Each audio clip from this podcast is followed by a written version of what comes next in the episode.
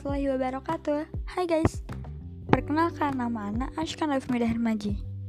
Hari ini kita akan membahas tentang perjanjian Hudaybiyah. Jangan lupa untuk tetap have fun belajar Islam. Setelah enam tahun berlalu sejak hijrah dari Mekah Rasulullah SAW berhasil mengokohkan pasukannya. Masyarakat Islam serta daulah Islam menjadi disegani semua bangsa Arab. Setelah itu, beliau mulai memikirkan langkah lain.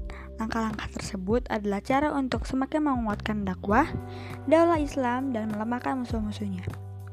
Telah sampai kepada beliau bahwa penduduk Khaybar dan Mekah telah membentuk kesepakatan untuk memerangi kaum muslim. Untuk menghadapinya, beliau merumuskan strategi kebijakan yang bisa mengantarkan pada terbentuknya perjanjian damai dengan penduduk Mekah sehingga diharapkannya tidak ada peperangan antara beliau dan bangsa Arab serta mempermudah penyebaran dakwah di Jazirah Arab sekaligus dapat mengisolir penduduk Khaybar dari kafir Quraisy.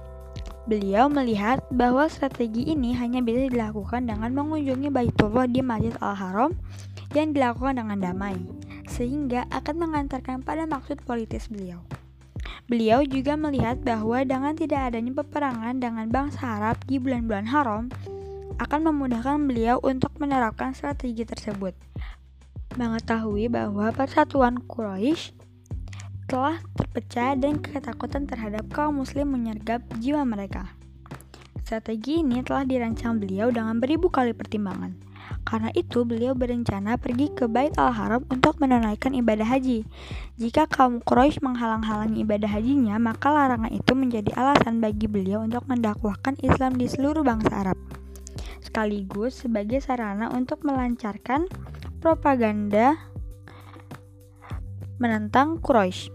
Karena itu Rasulullah SAW mengizinkan berhaji di bulan Zulqa'dah dan mengirimkan beberapa delegasi ke kabilah-kabilah Arab non-Muslim.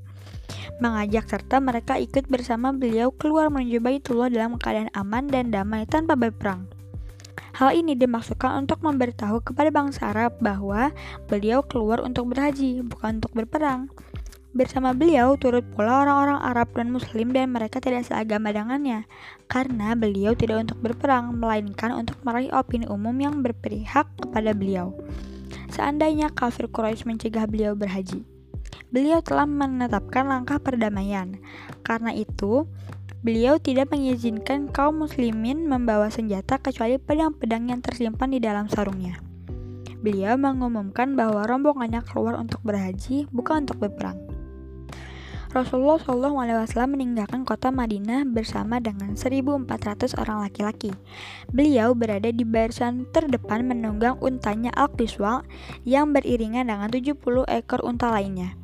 Beliau memakai baju ihram untuk umrah agar dapat menunjukkan kepada umat manusia bahwa beliau tidak bermaksud ber untuk berperang. Beliau keluar hanya untuk mengunjungi Baitullah Al-Haram. Setelah melampaui Madinah dan melintasi gurun sejauh 6 atau 7 mil, rombongan haji ini sampai di Zul Khalifah dan mereka mengucapkan talbiyah untuk umrah dari sana. Kaum muslim terus bergerak ke arah Mekah. Berita mereka sampai juga kepada kaum Quraisy yang memberitahukan bahwa kaum muslimin datang untuk haji bukan untuk berperang. Kafir Quraisy khawatir hal itu hanya siasat Muhammad SAW untuk memasuki Mekah, kemudian menyerang pendudukannya. Mereka memikirkan hal tersebut beribu kali dan akhirnya memutuskan untuk menghalang-halangi Muhammad SAW masuk ke dalam Mekah. Seberat apa pun pengorbanan yang harus mereka lakukan, kafir Quraisy pun menyiapkan pasukan untuk menghadapi kaum muslim dan mencegah mereka memasuki Mekah. Mereka mengangkat Khalid bin Walid dan Ikrimah bin Abu Jahal untuk memimpin pasukan yang sangat besar yang pasukan berkudanya saja berjumlah 200 orang. Pasukan musyrik keluar dari Mekah dan bergerak menuju arah rombongan yang datang untuk berhaji agar dapat mencegah mereka. Mereka tiba di Zutua lalu membangun perkemahan di tempat itu. Kabar tentang apa yang dilakukan kafir Quraisy yaitu mereka telah mempersiapkan pasukan untuk mencegahnya berhaji telah sampai kepada Muhammad SAW. Ketika beliau SAW sampai di perkampungan Asfan yang berjarak dua marhalah atau setara dengan 88 km dari Mekah, Rasulullah SAW bertemu dengan seorang laki-laki dari Bani Ka'ab. Nabi SAW bertanya kepadanya tentang kabar orang-orang Quraisy. Laki-laki itu berkata, Orang-orang Quraisy tersebut telah mendengar perjalananmu. Mereka keluar dengan membawa perisai dan memakai baju kulit macan tutul. Mereka membangun perkemahan pasukan di Zutwa. Di sana mereka bersumpah pada Allah akan mencegah engkau selamanya untuk masuk ke dalam Mekah. Dalam pasukan mereka terdapat Khalid bin Walid. Mereka bergerak menuju ke Kiro Al-Wamim, suatu tempat yang jauh dari perkemahan kaum muslim di Asfan sejauh 8 mil. Mendengar kabar ini, Rasulullah SAW berkata, Celakalah orang-orang Quraisy. Sungguh peperangan telah memakan habis diri mereka. Apa yang akan mereka lakukan andai mereka membiarkan antara diriku dan seluruh orang Arab? Jika mereka memerangiku, berarti itulah yang mereka kehendaki. Jika Allah memenangkan atas mereka, pasti mereka masuk Islam berbondong-bondong. Dan jika mereka tidak melakukannya, maka seluruh orang Arab beserta kekuatannya akan memerangi mereka. Lantas, apa yang kafir Quraisy lancanakan? Demi Allah, aku akan terus berjihad atas dasar kebenaran yang aku diutus Allah dengannya hingga Allah memenangkan kebenaran itu atau aku binasa karenanya. Artinya, beliau akan terus berjuang hingga memperoleh kemenangan atau mati. Di sini, beliau Shallallahu Alaihi Wasallam berpikir tentang perkara yang sedang dihadapinya. Beliau mengevaluasi kembali kebijakan-kebijakan yang telah digariskannya. Beliau memang telah menetapkan keputusan menggunakan jalan damai dan tidak menyiapkan diri untuk berperang. Namun kenyataannya beliau melihat bahwa kafir Quraisy telah mengirim pasukan untuk memerangi dirinya, sementara beliau tidak ingin berperang. Jika demikian kenyataannya, apakah Rasulullah SAW harus kembali ke Madinah atau mengubah kebijakan damai dan beralih mengambil strategi perang? Beliau mengetahui bahwa kaum muslim dengan keimanannya mampu menghadapi perlawanan pasukan musuh dan terjun ke kancah peperangan meski mereka belum menyiapkan perang sama sekali. Akan tetapi, beliau datang bukan untuk berperang dan memang tidak menetapkan untuk pergi berperang. Beliau datang untuk berhaji dalam keadaan damai. Seandainya beliau dipaksa dan dihalang-halangi pergi berhaji, beliau sebenarnya mampu mengatasi hambatan ini. Beliau memecahkan persoalan ini hanya menggunakan cara damai, tidak dengan cara perang, dan tidak akan terjun ke kancah peperangan. Kebijakan damai yang telah digariskannya beliau maksudkan untuk membentuk opini umum di kalangan seluruh bangsa Arab tentang dakwah Islam dan keluhurannya. Juga untuk membentuk opini umum di kalangan Quraisy dan di seluruh Mekah mengenai keluhuran dakwah ini serta membentuk opini umum di kalangan bangsa Arab, Quraisy, dan penduduk Mekah tentang kesalahan Quraisy, kesesatan, kejahatan, dan permusuhan mereka. Beliau menginginkan opini umum ini bisa membentuk iklim dakwah yang kondusif, karena keadaan tersebut merupakan salah satu faktor pendukung dakwah yang paling besar dalam penyebaran dan pencapaian kemenangan Islam. Berdasarkan hal ini, beliau menetapkan strategi kebijakan damai dan tidak menerapkan strategi perang. Jika tetap melakukan perang, berarti beliau telah menyalahi strategi itu sendiri dan merusak aspek yang menjadi alasan beliau keluar dari Madinah. Karena itu, beliau berpikir keras tentang apa yang harus dilakukan. Dalam pikirannya, pandangan beliau mampu membaca jauh ke depan berdasarkan pengalamannya yang banyak dan kecermatan strateginya dibandingkan dengan pemikiran manusia mana pun. Dengan demikian, beliau tetap meneruskan strategi damainya, sehingga tidak merusak maksud beliau sendiri keluar dari kota Madinah dan tidak menyalahinya. Sementara itu, di tengah-tengah bangsa Arab, kaum Quraisy mempunyai alasan untuk menyerang Rasulullah. Jadi, opini umum ternyata berpihak kepada kafir Quraisy daripada terhadap beliau. Karena itu, beliau menyeru rombongannya, "Siapa yang bersedia berjalan keluar bersama kami melalui sebuah jalan selain jalan mereka sendiri?" Lalu seorang laki-laki keluar bersama mereka dan menunjukkan jalan kepada mereka. Mereka menyusuri jalan-jalan yang sulit dan bercadas di antara celah-celah gunung yang sempit. Rombongan Rasul ini melewati jalan itu di tengah himpitan kesulitan, menjalani perjuangan yang melelahkan sampai akhirnya berhasil melewatinya. Mereka berjalan terus-menerus hingga Sahel dan berhenti di lembah Mekah, suatu tempat yang dinamakan Hudaybiyah, dan di situlah mereka membuat perkemahan. Ketika pasukan Khalid dan Ikrimah melihatnya, maka mereka terkejut dan segera kembali ke induk pasukan untuk mempertahankan Mekah. Jiwa mereka panik dan ketakutan karena kaum muslim berhasil melampaui pasukan mereka dan menempati daerah perbatasan Mekah.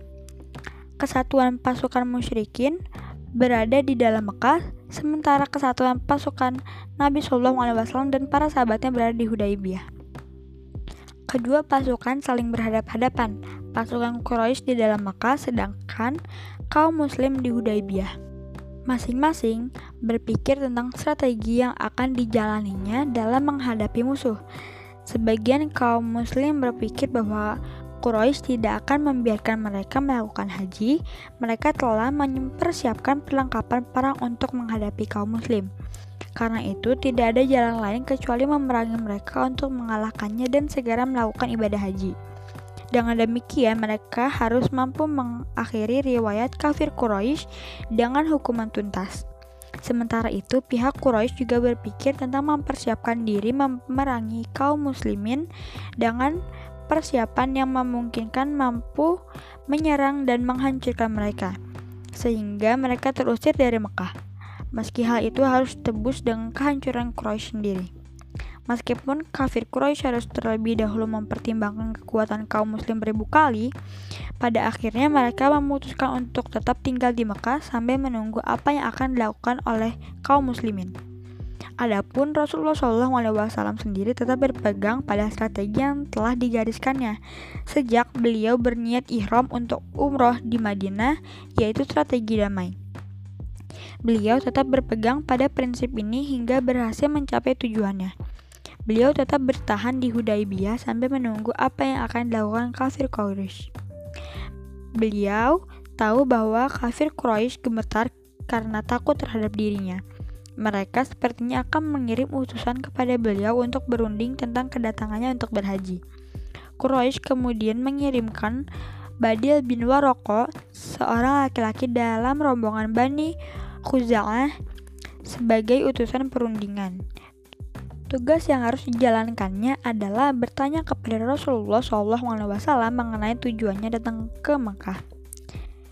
Tidak lama setelah perundingan, akhirnya mereka puas karena kaum muslim tidak datang untuk maksud berperang, melainkan mereka datang untuk mengunjungi Baitullah demi mengagungkan kemuliaannya.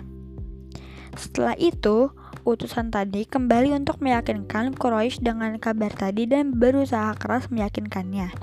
Sehingga Quraisy mencurigai mereka telah berpihak kepada Rasulullah SAW. Mereka tidak mempercayai ucapan para utusan ini. Mereka mengirimkan utusan lain di bawah kepemimpinan Mukriz bin Hafaz.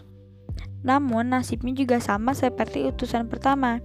Kemudian mereka mengirimkan Halis bin Al-Qamah, kepala suku Al-Ahabisi, untuk berunding dengan Muhammad SAW. Quraisy percaya kepadanya maupun kaumnya dalam memusuhi Muhammad SAW. Quraisy memang bermaksud membangkitkan gelora permusuhannya terhadap kaum muslim. Jika kembali dan perundingannya tidak berhasil, tentu dendam Halis bertambah besar dan semangat untuk mempertahankan Mekah semakin meningkat. Nabi Shallallahu Alaihi Wasallam mengetahui keberangkatannya. Lalu beliau memerintahkan agar hewan-hewan sembelihan untuk umroh dilepaskan di hadapan beliau, agar hewan-hewan itu dalam pandangan Halis menjadi bukti yang bisa dilihat langsung bahwa niat kaum muslim memang untuk berhaji bukan untuk berperang. Halis pun berangkat dan ketika sampai di perkemahan kaum muslimin, dia melihat unta-unta berkeliaran di lembah. Dia juga menyaksikan gerak-gerik kaum muslim beserta hewan-hewan sembelihannya untuk had yang benar-benar menunjukkan sebagai rombongan umroh, bukan sebagai pasukan perang. tampak di kemah-kemah mereka suasana ibadah. Pemandangan ini membawa pengaruh yang amat meyakinkan Halis bahwa mereka sungguh-sungguh bertujuan untuk ibadah, bukan untuk berperang.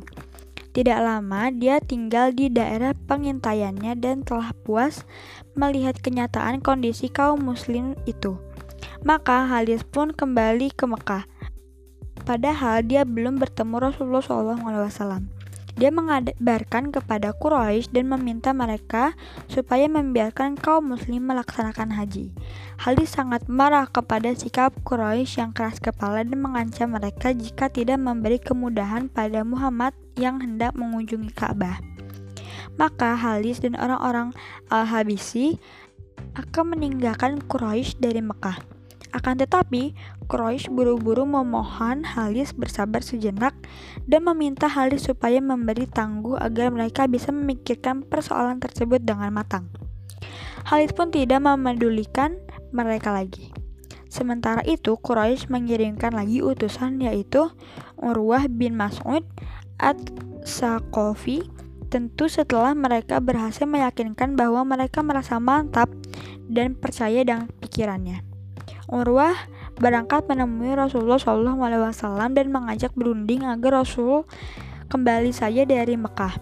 Dalam perundingannya, Urwah menggunakan berbagai uslub. Akan tetapi, dia tidak berhasil dan kembali dengan perasaan puas dengan cara pandang Rasulullah SAW. Dia berkata kepada Quraisy, "Hai orang-orang Quraisy, sesungguhnya aku pernah mendatangi Kisra di kerajaannya dan kaisar imperiumnya. Demikian juga Najasyi di kerajaannya. Demi Allah, aku sama sekali belum pernah melihat sebuah kerajaan pun dalam suatu kaum seperti Muhammad di tengah-tengah para sahabatnya. Sungguh aku telah melihat suatu kaum, kaum muslim, yang selamanya tidak akan menyerahkannya atau Muhammad untuk suatu apa pun. Karena itu, pikirkan kembali pendapat kalian. Kebencian dan dendam kafir Quraisy makin menjadi-jadi. Lobby terus berlangsung dan memakan waktu lama tanpa mencapai kata sepakat. Melihat hal ini, Rasulullah SAW berpikir hendak mengirimkan utusan untuk berunding. Barangkali utusan-utusan Quraisy takut kepada umatnya dan mungkin saja utusan Rasulullah itu akan dapat meyakinkan mereka. Lalu Rasulullah SAW mengutus Khorosi bin Umayyah al-Khuzai menemui mereka. Akan tetapi mereka melukai utusan ini dan hendak membunuhnya. Seandainya tidak ada pembelaan dari suku Al-Habisi, kemarahan Quraisy akan semakin membara. Akan tetapi Rasulullah SAW berhasil meredakan kemarahan mereka dan menenangkannya. Tersiar kabar bahwa 50 orang dari Quraisy telah keluar untuk mendatangi perkemahan kaum muslim dengan tujuan menyerang dan menghancurkan mereka tanpa menyisakan seorang pun dari sahabat Nabi.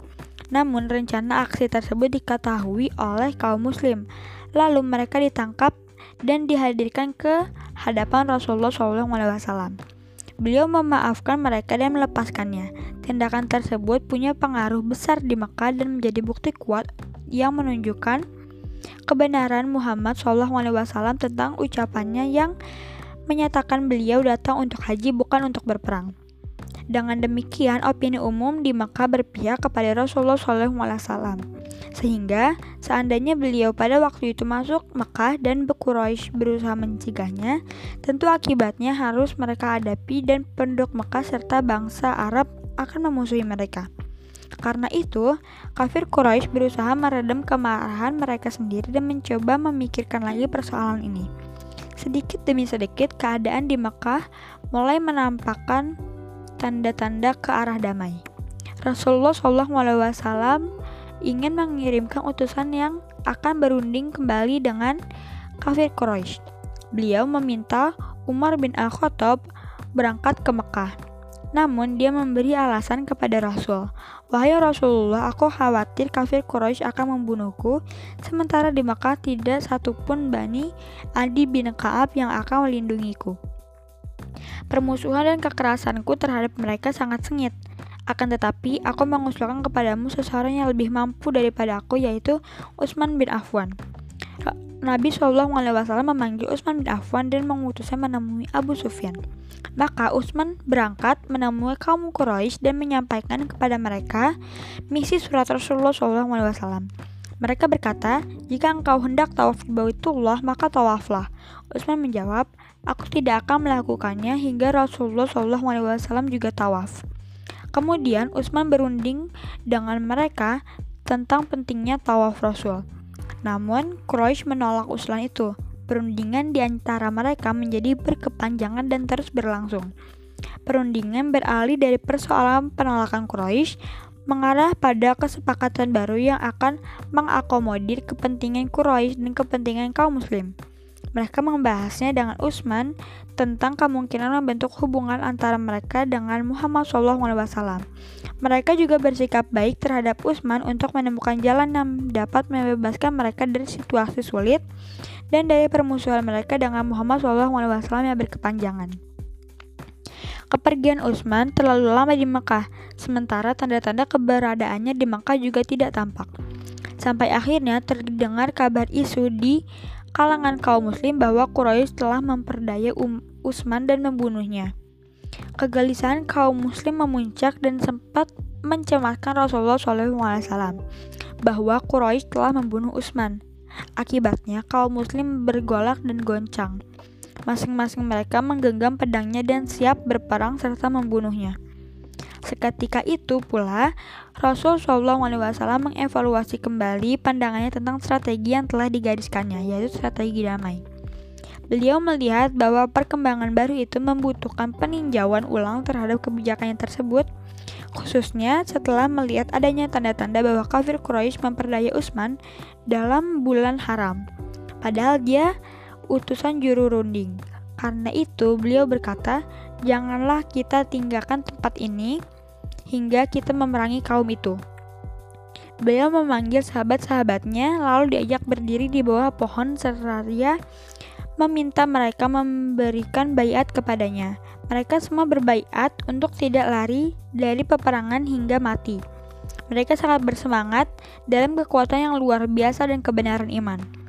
Ketika selesai mengadakan bayat, Rasulullah SAW memukulkan salah satu tangannya pada yang lainnya sebagai tanda bayat untuk Utsman. Seakan-akan Utsman hadir bersama mereka. Bayat ini dinamakan Bayat Ridwan. Mengenai peristiwa ini, Allah Subhanahu wa taala menurunkan ayatnya. Sesungguhnya Allah telah ridho terhadap orang-orang mukmin ketika mereka membayatmu di bawah pohon. Maka Allah Subhanahu wa taala mengetahui apa yang ada dalam hati mereka, lalu menurunkan ketenangan atas mereka dan memberi balasan kepada mereka atas kemenangan yang dekat waktunya. Quran Surat Al-Fat ayat 18 Sebelum sempurna bayat dan kaum muslim belum mempersiapkan diri terjun ke medan laga dan memasuki perang, tiba-tiba sampai kabar kepada mereka bahwa Utsman tidak dibunuh. Tidak berapa lama, Utsman kembali dan mengabarkan kepada Rasulullah SAW tentang apa yang dikatakan Quraisy. Rasul menyimak dengan sungguh-sungguh, lalu perundingan damai antara Rasulullah SAW dan Quraisy diperbarui. Quraisy mengirimkan Suhail bin Amru untuk berunding dengan Rasulullah SAW dengan agenda yang lebih luas dari sekedar masalah haji dan umrah melebar ke arah sebuah perjanjian damai yang akan ditetapkan antara beliau dan mereka dengan dasar bahwa beliau harus meninggalkan Mekah tahun ini. Rasul SAW menerima perundingan damai dengan asas tersebut. Karena perjanjian tersebut telah merealisir maksud beliau dalam melakukan kunjungan ke Baitullah. Lagi pula, tidak menjadi masalah baginya untuk mengunjungi Baitullah tahun ini atau tahun depan. Beliau berkeinginan mengisolir Khaybar dari Quraisy dan membersihkan rintangan antara beliau dengan bangsa Arab untuk kepentingan penyebarluasan dakwah Islam. Beliau setuju menetapkan perjanjian antara beliau dan Quraisy yang akan menghentikan perang terbuka antara beliau dan mereka, maupun perang-perang lain yang mungkin terjadi secara bersusulan. Adapun masalah haji dan umroh tidak akan berpengaruh apakah akan dilaksanakan sekarang ataukah tahun depan. Rasul memasuki proses perundingan dengan juru runding Suhail bin Amru dan terjadilah diskusi panjang lebar di antara kedua pihak berkenaan dengan perjanjian damai tersebut beserta syarat-syaratnya. Dalam beberapa kesempatan, diskusi tersebut ditingkahi beberapa interupsi dan nyaris batal. Seandainya tidak ada Rasul SAW, eh, kedalaman pengalamannya dan kejelian siasatnya. Kaum muslim berada di sekitar Rasulullah SAW menyimak perdebatan tersebut dan mereka menganggap bahwa perbincangan itu berkenaan dengan umrah.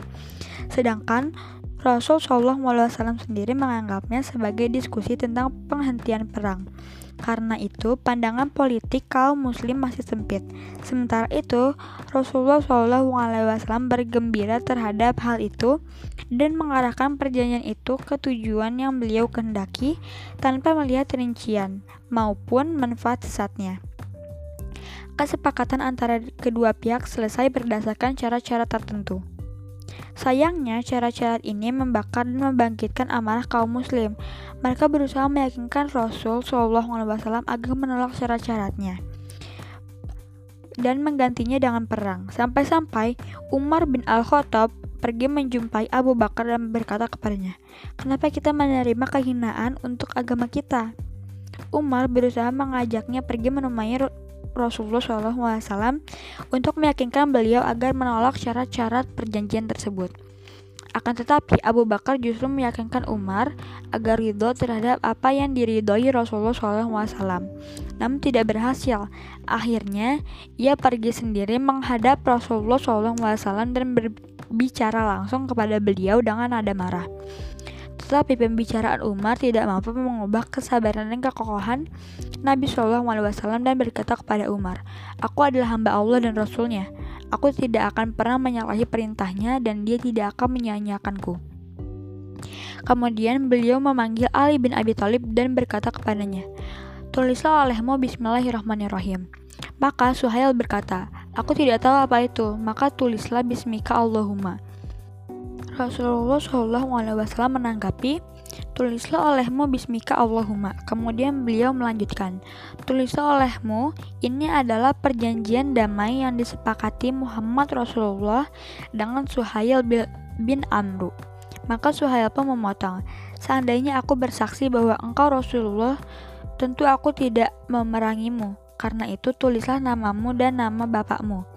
Rasulullah SAW berkata, Tulislah olehmu ini adalah perjanjian damai yang disepakati Muhammad bin Abdullah dengan Suhail bin Amru. Kemudian, Ali melanjutkan penulisan perjanjian di antara kedua pihak yang isinya sebagai berikut. Yang pertama, perjanjian ini adalah perjanjian gencatan senjata yang mengikat kedua belah pihak. Di antara kedua belah pihak tidak ada peperangan atau saling membunuh. Yang kedua, bahwa siapa saja dari Quraisy yang telah masuk ke dalam Islam dan datang kepada Muhammad tanpa izin walinya, maka Muhammad harus mengembalikan kepada mereka. Siapa yang murtad dari kaum muslim dan mendatangi Quraisy, maka mereka tidak akan mengembalikannya kepada Muhammad. Yang ketiga, bahwa siapa saja dari bangsa Arab yang ingin ikut serta dalam kesepakatan Muhammad dan perjanjiannya, maka tidak akan dihalangi. Demikian juga siapa saja yang ingin ikut serta dalam kesepakatan dalam perjanjian Quraisy, maka tidak akan dihalangi. Yang keempat, tahun ini Muhammad dan para sahabatnya harus kembali dari Mekah. Mereka boleh kembali ke Mekah pada tahun berikutnya. Mereka hanya boleh masuk dan tinggal di dalamnya selama tiga hari. Mereka hanya boleh membawa pedang-pedang yang tersimpan di dalam sarungnya dan tidak boleh membawa senjata lainnya. Yang kelima, perjanjian diadakan dalam batas waktu tertentu.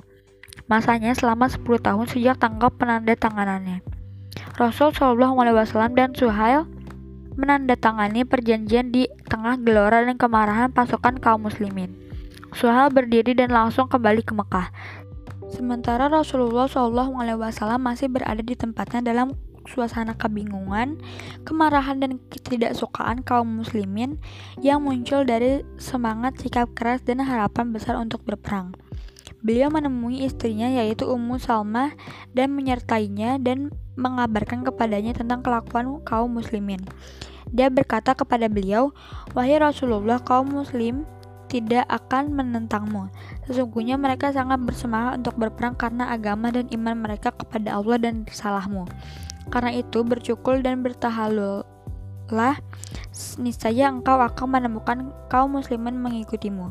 Kemudian kita kembali ke Madinah bersama mereka. Rasulullah Shallallahu Alaihi Wasallam menemui kaum muslimin.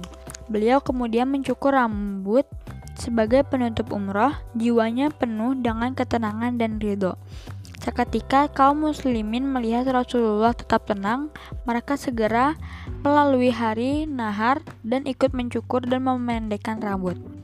Nabi Shallallahu Alaihi Wasallam dan kaum muslimin kemudian kembali ke Madinah. Di tengah perjalanan pulang, turun surat Al-Fat kepada Rasul Shallallahu Alaihi Wasallam. Beliau membacakannya kepada para mereka dari awal hingga akhir. Mereka semuanya akhirnya yakin bahwa perjanjian ini adalah kemenangan yang amat nyata bagi kaum muslimin. Kaum muslimin tiba di kota Madinah. Rasulullah Shallallahu Alaihi Wasallam telah menyelesaikan strateginya dalam menyelesaikan masalah Khaybar penyebaran dakwah di luar jazirah menstabilkan kondisi di dalam negeri jazirah dan mengisi kekosongan waktu akibat adanya perjanjian damai dengan Quraisy untuk menyelesaikan permasalahan yang masih ada pada sebagian suku Arab serta menjalin hubungan luar negeri. Dengan demikian sempurnalah tujuan-tujuan itu. Berkat, berkat dilakukannya perjanjian ini beliau Shallallahu Alaihi Wasallam berhasil melaksanakan strategi yang telah beliau susun saat akan berhaji dengan cermat. Meskipun dihadang oleh berbagai kesulitan dan kekerasan, beliau akhirnya mencapai tujuan politik yang telah ditetapkannya, sehingga perjanjian Hudaybiyah merupakan kemenangan yang nyata di antara hasil-hasilnya antara yang lain sebagai berikut. Yang pertama, mengantarkan Rasul Wasallam kepada opini umum yang mendukung dakwah Islam di seluruh bangsa Arab pada umumnya, di Mekah dan dengan Quraisy pada khususnya. Hal itu menyebabkan semakin kuatnya kewibawaan kaum muslimin sekaligus melemahkan kewibawaan Quraisy. Yang kedua, menyingkap kepercayaan kaum muslimin kepada Rasul Shallallahu menunjukkan kekuatan iman kaum muslimin dan kekokohan mereka dalam menghadapi mara bahaya sekaligus bahwa mereka tidak takut mati. Yang ketiga, mengajarkan kepada kaum muslimin bahwa manuver politik merupakan sarana dakwah Islam. Yang keempat, menjadikan kaum muslimin yang masih tinggal di Mekah di tengah-tengah kaum musyrikin untuk membantu kantong-kantong dakwah di dalam jantung barak musuh. Yang kelima, menjelaskan bahwa torikoh dalam politik harus berasal dari fikroh itu sendiri dan didasari kejujuran serta memenuhi janji. Sedangkan sarana politik harus mencerminkan kecerdikan yaitu menyembunyikan sarana-sarana dan tujuan-tujuan politis yang sebenarnya dari pandangan musuh. Uh, sekian yang bisa Anda sampaikan tentang perjanjian Hudaybiyah. Mohon maaf jika banyak kesalahan kata dan kekurangan. Assalamualaikum warahmatullahi wabarakatuh. Sampai jumpa di episode yang selanjutnya.